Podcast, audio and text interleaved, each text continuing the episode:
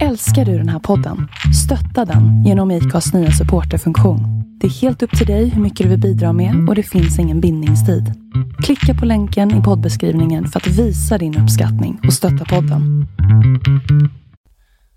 Välkomna till podcasten The Long Gammen. Med mig har jag Jens Persson och jag heter Robin Lennartsson. Och idag ska vi prata om Knutbymordet.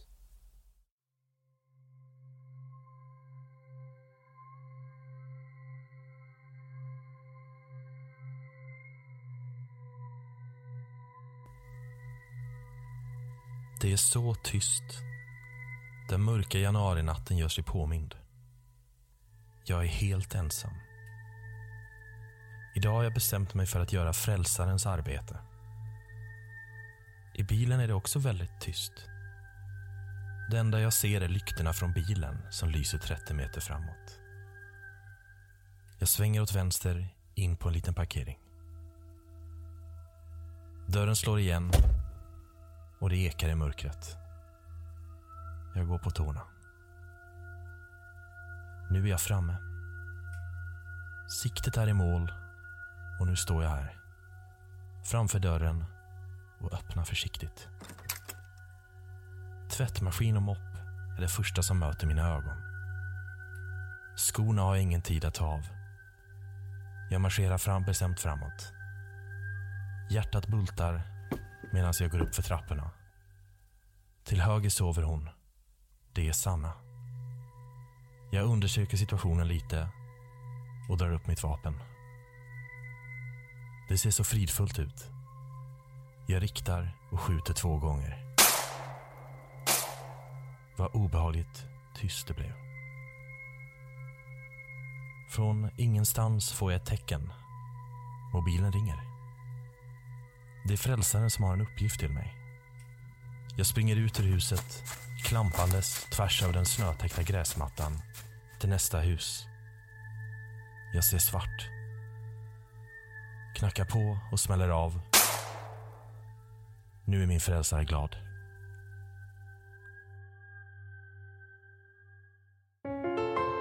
Robin. Jag tänkte på det. Det var ju egentligen han eh, Helge Fossmo som var den stora skurken i Knutby-dramat kan man säga. Ja, Till stor del. kan man säga. Pastorn Precis. i eh, den här Philadelphia-församlingen. Mm. Men eh, hur var hans bakgrund? Var kom han ifrån? Ja, alltså man, man har ju ganska grundläggande information om hans bakgrund. Eh, han är ju norsk från början, eller hans föräldrar är ju norska då. Eh, så... Eh, och hans pappa var tydligen väldigt hård. Och... Eh, han bodde sen med sin mamma och sina syskon då, gjorde han till slut. Så att egentligen mer än, än så finns inte egentligen att hämta därifrån. Det är inte en jättemörk bakgrund han har. Mer än Nej. att hans pappa var hård då, och lämnade han. Mm. Så han, han växte ju bara upp med sin mamma då. Ja. Men eh, det verkar inte som att man har hämtat liksom, tecken därifrån som har påverkat han som person i vuxen ålder då.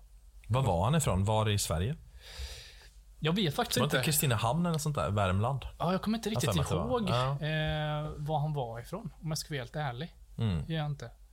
Eh, med att han var norsk då. Om Mm. man säger så. Eh, han är ju född 71 med. Mm. Så han var ju inte egentligen jättegammal som heller. Nej. Hur var han i skolan då? Eh, lärarna som eh, man har intervjuat har ju påstått att han har varit klassens clown. Eh, en rolig kille. Som tydligen också då var ganska poppis hos tjejerna då. Mm. Det- Karismatisk liksom. Ja, men exakt, exakt. Och, och det verkar ju som att eh, han har varit i, även när han blivit äldre då, att han har varit bra på att snacka. Mm. Helt enkelt. Så eh, det, det är så lite psykopatbeteende när man vet själva historien sedan då. På han har betett sig. Ehm, men tycker du det går ihop med alltså att vara, alltså psykopati, tycker du det går ihop att vara väldigt karismatisk? Få med, för de beskriver som att han får med sig folk. På det Mm. viset.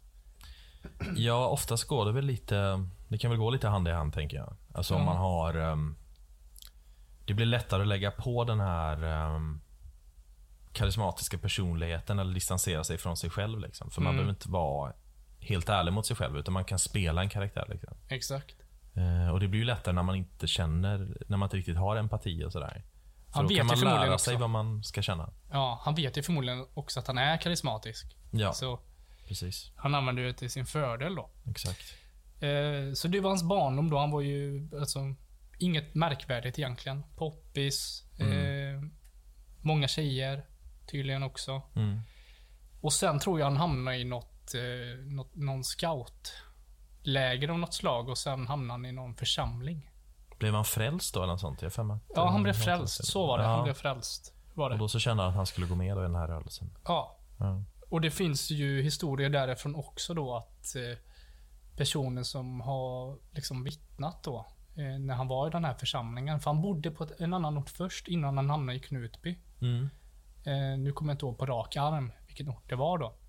Men eh, när han hamnade i den här församlingen så, så påstås det då när han var yngre att det var mycket sex, Mm. mycket alkohol och fester och sånt som är ganska ovanligt då Ja. om man är i en församling. Mm. För de har ju inte riktigt de... Eh, de tror ju inte riktigt på att man ska ha massa partners och Ja. på det viset. Det är inte deras värld. För det har man ju talat om när det är sådana där smårörelser. Till exempel i Uppsala fanns ju Livets Ord. Och de var ju också väldigt omtalade. Mm. Och de hade ju också det där att de liksom de frälste folk och, och folk kände sig liksom upplyfta. Ja. Och sen vänder de ryggen till, lite så sektliknande. Att de vänder Ja. ryggen till om, man, om de märker att man är ointresserad eller när de har kontroll på en. Mm. De får så mycket positiv respons. Alla var väldigt kärleksfulla och så. Och då Undrar var man- man i beroendeställning av de andra. Liksom. Ja, Man alltså- litar på sina... Ja. Jag undrar om man själv hade blivit sån. Alltså, jag, jag har ju så svårt att koppla det. Att, eh, hur det känns att vara frälst. ja. Men eh, jag kan ändå tänka mig att vissa som är alltså mer svaga Mm. åt det hållet eh, faktiskt blir upplyfta. Och jag tror att om man får uppskattning 24-7, alltså väldigt mycket uppskattning, Mm. bara uppskattning, så tror jag man blir väldigt beroende av det. Och när man Oh, inte ja. får det blir det väldigt obehagligt. Ja. Det vet man ju själv, liksom, att man, när man får den uppskattning man får, och sen plötsligt är det ingen som ger den, då blir- känner man verkligen som en tomhet. Jag har Då gjort blir man något, har nere, gjort något liksom. fel, liksom. Har gjort något fel? Ja, men det, det är farligt när det blir det? som bensin, om du ja, förstår. precis. Ehm, det är som på. allt, Mm. höll jag på att säga. Men, Ja, Robin. Eh, hur var Helge Fossmo i församlingen som pastor? ja, men han var ju ganska frispråkig, väldigt annorlunda. Ehm, de beskriver han även som en, en frisk fläkt. Mm. För att han var väldigt frispråkig helt enkelt. Och eh, i den här församlingen i Knutby då, så var det ju väldigt eh, många personer där som var hängivna, motiverade eh, och som alltid var där.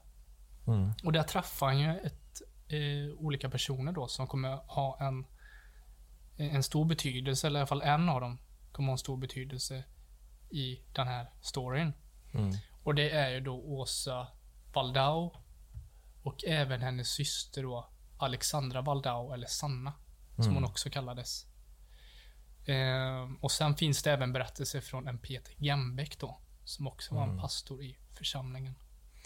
Men, eh, Ja. Det, ja, det enda jag vet om Helge Fossmo det är i alla fall att han, han var väldigt humoristisk. Men också humoristisk på ett sätt som var ganska... Han var ganska nedlåtande mot kvinnor förstod jag. ja, I, sina, I sin predikan då. verkligen. Eh, Han eh, sa ju så till Åsa Waldau första gången han träffade henne, att det är första gången jag lyssnar på en kvinna. Så det kanske säger det mesta om hur, han, hur hans syn var. Ja, om man precis. säger. Ja. Ehm, Men han var ju också... Hans mentala hälsa var ju inte den bästa. Kan man inte säga. Han eh, åkte ju in på sjukhus ett tag, gjorde han ju. Eh, Men lä- läkarna hittade ju ingenting under den tiden. nej, just det. Nej, det stämmer. Han... Eh, jag vet inte, han verkar ha fått såna här vanföreställningar ganska ofta. Man undrar Mm. egentligen när det här...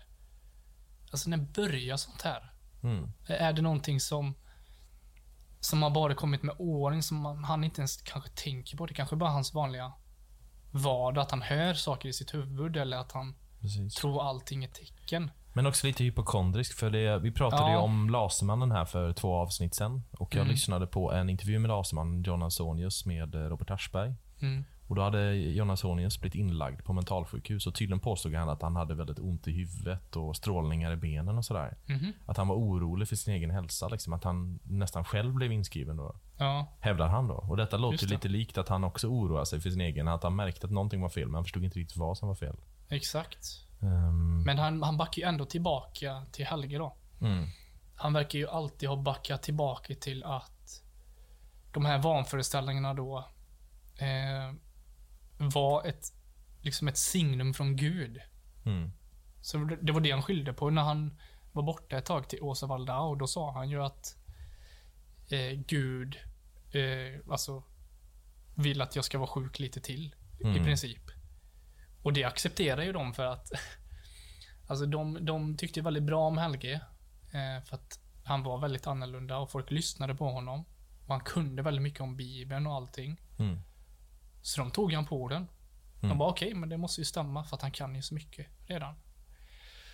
Eh, och det tror jag han använde till sin, fördel lite, att han manipulerade dem lite på det viset. mm. Att han drog liksom Bibeln som en, en, ett försvar, lite så här. Mm. Så det, Men han, han drömde någonting också. Om eh, sin frus död. Var det inte så? jo, eh, han verkar ju ha drömt att eh, hon låg i ett badkar död. Och att hon skulle dö. Mm. Eh, och eh, senare berättar han i förhör också att den, den personen som har planterat det i hans huvud är Åsa då. Mm. Som har eh, planterat att hon inte är bra. Eh, och även sagt då att eh, eh, det var han som fick, han, det var henne som fick han att tro att hon skulle dö. Så han skyllde på Åsa. När det gällde hennes eh, död. Eh, och det sorgliga är ju efter hon var död, hans, hans första fru, då, Mm. Eh, hon hittades ju faktiskt i badkaret ungefär. Det var inte långt efter han drömde det heller.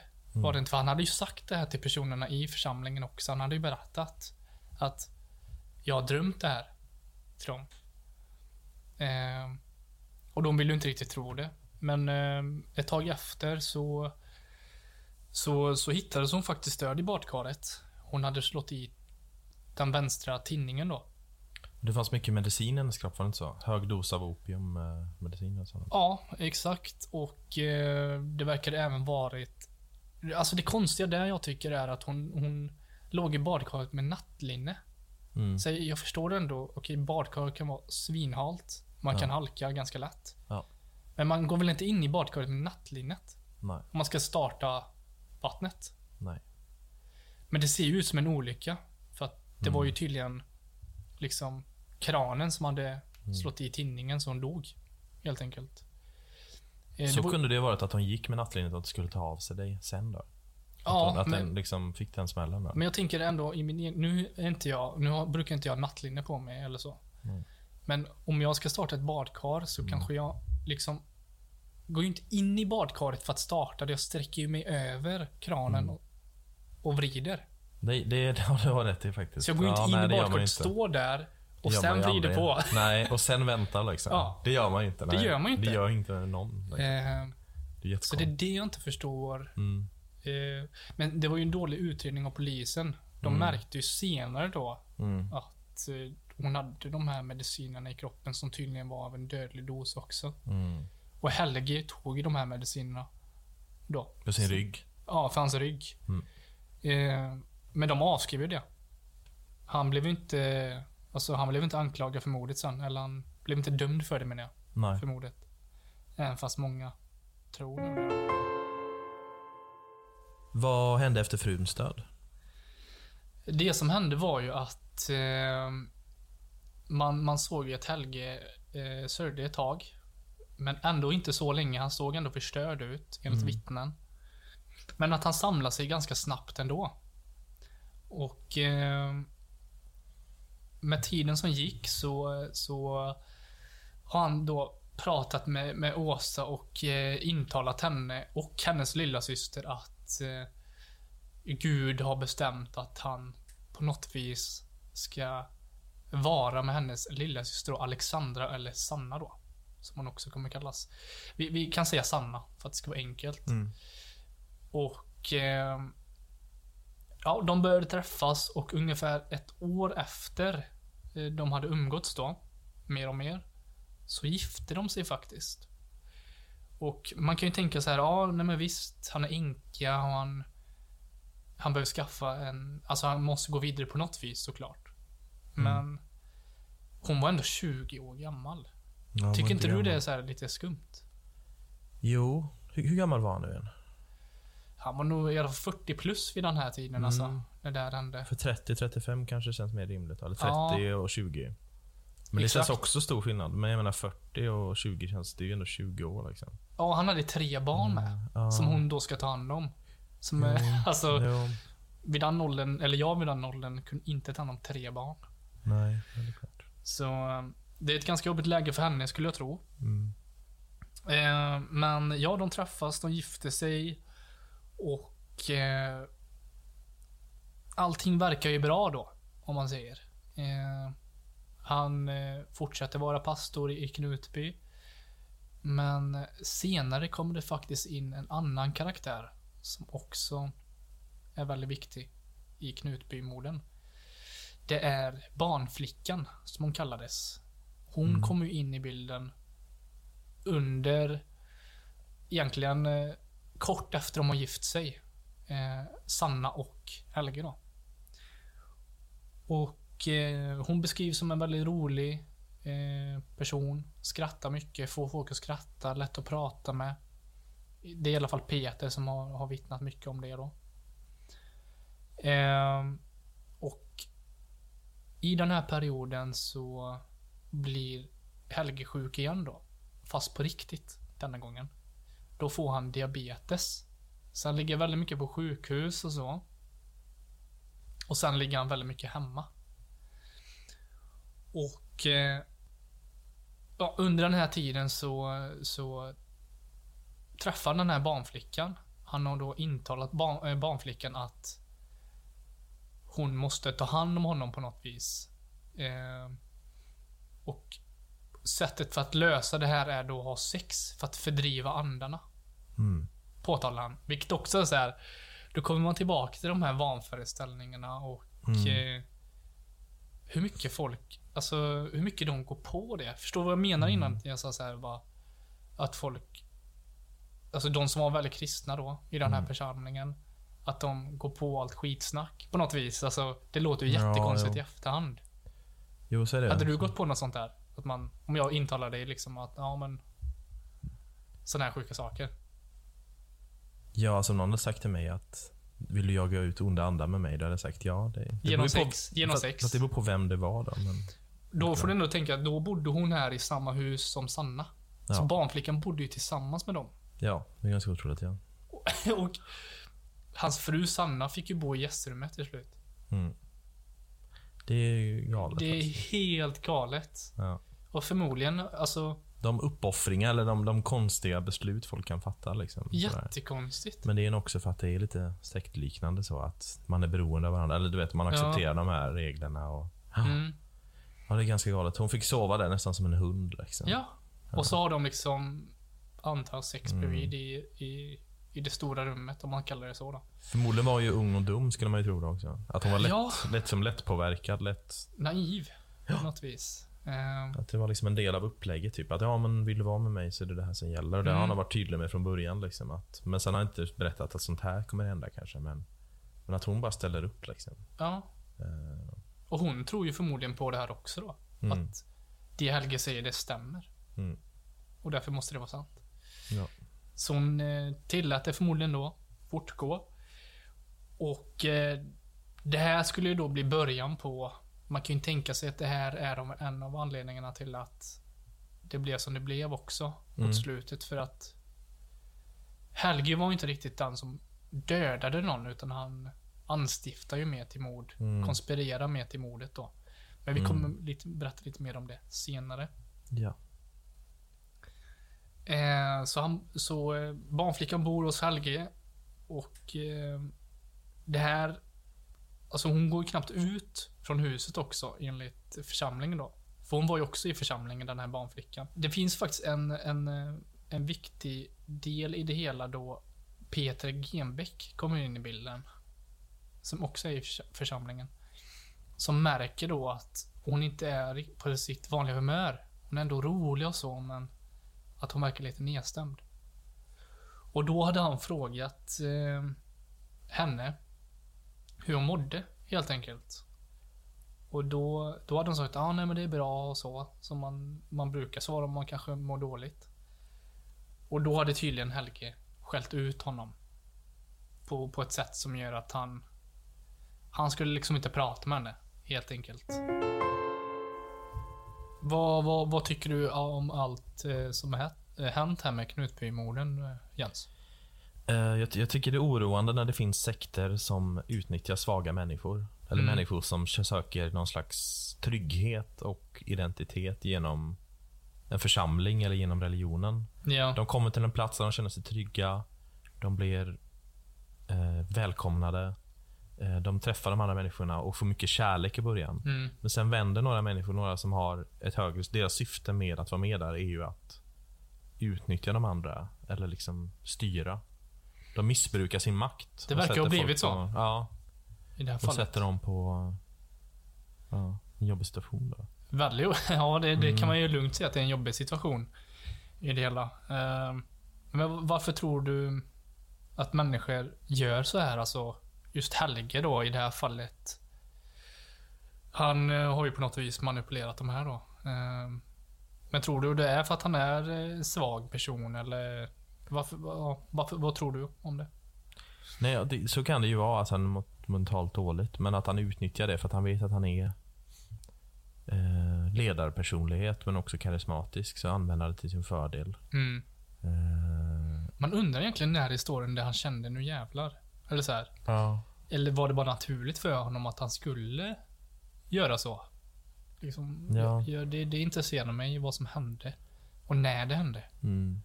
Han började få de här tankarna. För det känns ju som att det var, alltså det var ju under en längre tid också. Han planterar ju det här i dem. Alla var förmodligen så mycket, så mycket inne i det där så att de tyckte väl att de gjorde rätt. Eller de tyckte att ja, vi ska jaga ut de onda andarna. Eller vi ska... Mm. De intalar sig själva att de gjorde rätt. Och jag tänker, lever man varje dag med sådana där existentiella frågor eller religiösa frågor. Jag hade fan blivit galen själv. Så blir man nästan galen. Ja, det Ja. tror jag. Alltså, men om man har religion och, och lever ett van, vanligt liv för övrigt. Liksom, Mm. Då tror jag det kan berika livet istället. Att det liksom finns Det förklaringar. Men om man bara grottar in sig i människans liksom, psykologi eller det, liksom, det högre väsen, väsenet på något sätt. Tror du inte det kan vara också kan- om man, eh, om man hittade, alltså Gud eller sin tro i ett väldigt, i ett läge i sitt liv där man mådde väldigt dåligt. Tror, Ja. tror jag det också kan bli så här Oh ja. faktiskt. Oh ja, Att man är väldigt lättpåverkad Oh på det viset. så är det. Eh, Mm. Men vad, tror, om du var polis och du skulle undersöka fallet på hans första fru. Mm. Vad skulle du säga om det? Alltså, Eh. tror du att det var en olyckshändelse? Jag tror ju att kanske att själva ramla, att hon ramlar var olyckshändelse. Men däremot hade hon ju droger i kroppen som, hon egent- som inte skulle finnas där. Mm. Och då tänker jag, hon fått i sig dem. Har hon själv tagit dem? Mm. Eller har han gett henne det? Min Ja. gissning är ju kan- antingen att han har gett henne dem på något sätt. Eller att hon själv har tagit dem för att hon har mått så pass dåligt. Mm. Och att hon skulle lugna sig och ta ett varmt bad. Och sen så när hon har de här medicinerna så ramlade hon liksom. Ja. Och blev medvetslös. Det, det är ju inte omöjligt liksom. För att Han- han, behandlade ju henne ganska illa kan man säga. I för Hon sig. måste ha haft världens eh, existentiella ångest liksom. Ja, verkligen alltså. Något. Men det, det jag tänkte på nu, det kan ju vara faktiskt att det var inte meningen att eh, hon skulle halka i badkaret. Mm. Han kanske bara ville droga ihjäl henne. För att eh, det var ju en dödlig dos av Mm. eh, alltså medicin hon hade i kroppen, i blodet. Mm. Så det, det där kanske bara hände. Men det Ja. var nog inte meningen. Nej. Inte. Men han blev ju inte åtalad för det heller. De avskrev det. Det var ju en ganska dålig undersökning av polisen. Mm. Det där var det. Ehm, men du tror, du tror inte vanföreställningar och sådana här saker riktigt går ihop med religion, utan det är mer en allmän grej? Nej men jag tror man mår dåligt så tror jag att det kan förekomma och det blir inte bättre av att man har. Om man har en religion då så kan den ibland hjälpa en. men ibland så tror jag att den kan ställa till det för en. För man försöker Mm. hitta ett syfte med allting och det kanske inte alltid finns ett 100% syfte med Ja, varför man mår dåligt. Eller ibland kan det vara det, det är liksom de här onda andarna eller det där dåliga måendet. mm, Ibland måste man kanske hitta andra sätt att behandla det. exakt. Och vi vill ändå vara tydliga. Vi, vi vill inte prata dåligt om religion, utan vi bara diskuterar öppet Ja. om det hela. Ja, Så att säga. precis, precis. Vi kanske är Eh. lite skeptiska till det här med sekt och sådär. Alltså såna, det, det är åtminstone jag då. Det borde man vara. Jag, för att det blir Mm. liksom, men det är väl när folk blir för sammansvurna på ett sätt som kan, det kan finnas en sårbarhet där. Ja, I alla sådana situationer därför där folk är så i beroendeställning av varandra. det finns Det vet ju... man ju i förhållanden också, att det kan finnas väldigt destruktiva förhållanden när några är bero, två personer eller flera är beroende av varandra. Mm, Och står, kan eh, eh, använda sig av maktmissbruk mot den andra. För att den andra står i beroendeställning av den andra. Då. exakt. Det kan föräldrar eller kan vara partner. Eller, Ja. och man hamnar i en värld där man liksom... En väldigt destruktiv miljö. Då. Mm, Men, eh, och detta var ju väldigt speciellt med Knutbymorden och allt som skedde kring det. Och Ja. Det ställde ju till det och det skapade mycket hysteri i svenska medielandskapet. Och, kan man verkligen säga över hela världen faktiskt. Ja, och det finns Eh, kvar än idag. Det var ju nu senast som Ja, ja. hade rättegång. Och, Var inte det här igår det, Mm. de gick ut med det? Precis, Eh, precis. Jag kommer inte exakt hur, hur åtalen såg ut, men jag vet att Peter Gembeck och eh, Åsa Waldau var, var åtalade för någonting. mm, Någon typ av misshandel var det. Mm. För att eh, eh, om man inte lyssnade på henne så fick man en smäll. I princip. mm, Jag, jag, jag vet inte exakt detaljerna, så ta mig inte på orden där. Mm. Men det är väldigt nyligen eh, det kom ut ny information om det här. I alla fall. Det är ett väldigt intressant ämne. Det är möjligt att vi kommer tillbaka till det längre fram. Mm. Eh, beroende på hur det utvecklar sig kring det hela med rättegången och sådär. Exakt. Kanske ett nytt, ett nytt avsnitt om det. Men eh, nu tackar vi väl för oss tror jag. ja, det är nog eh, dags. Det är nog dags. Önskar er alla en trevlig dag. In- Och sen får ni gärna följa oss. Exakt. Bra där Jens, bra där. Mm, det fick jag till. Verkligen. Eh, följ oss på eh, den plattform du anser lämplig. Eller flera plattformar. ja. Varför Följ inte? oss. Följ oss allt.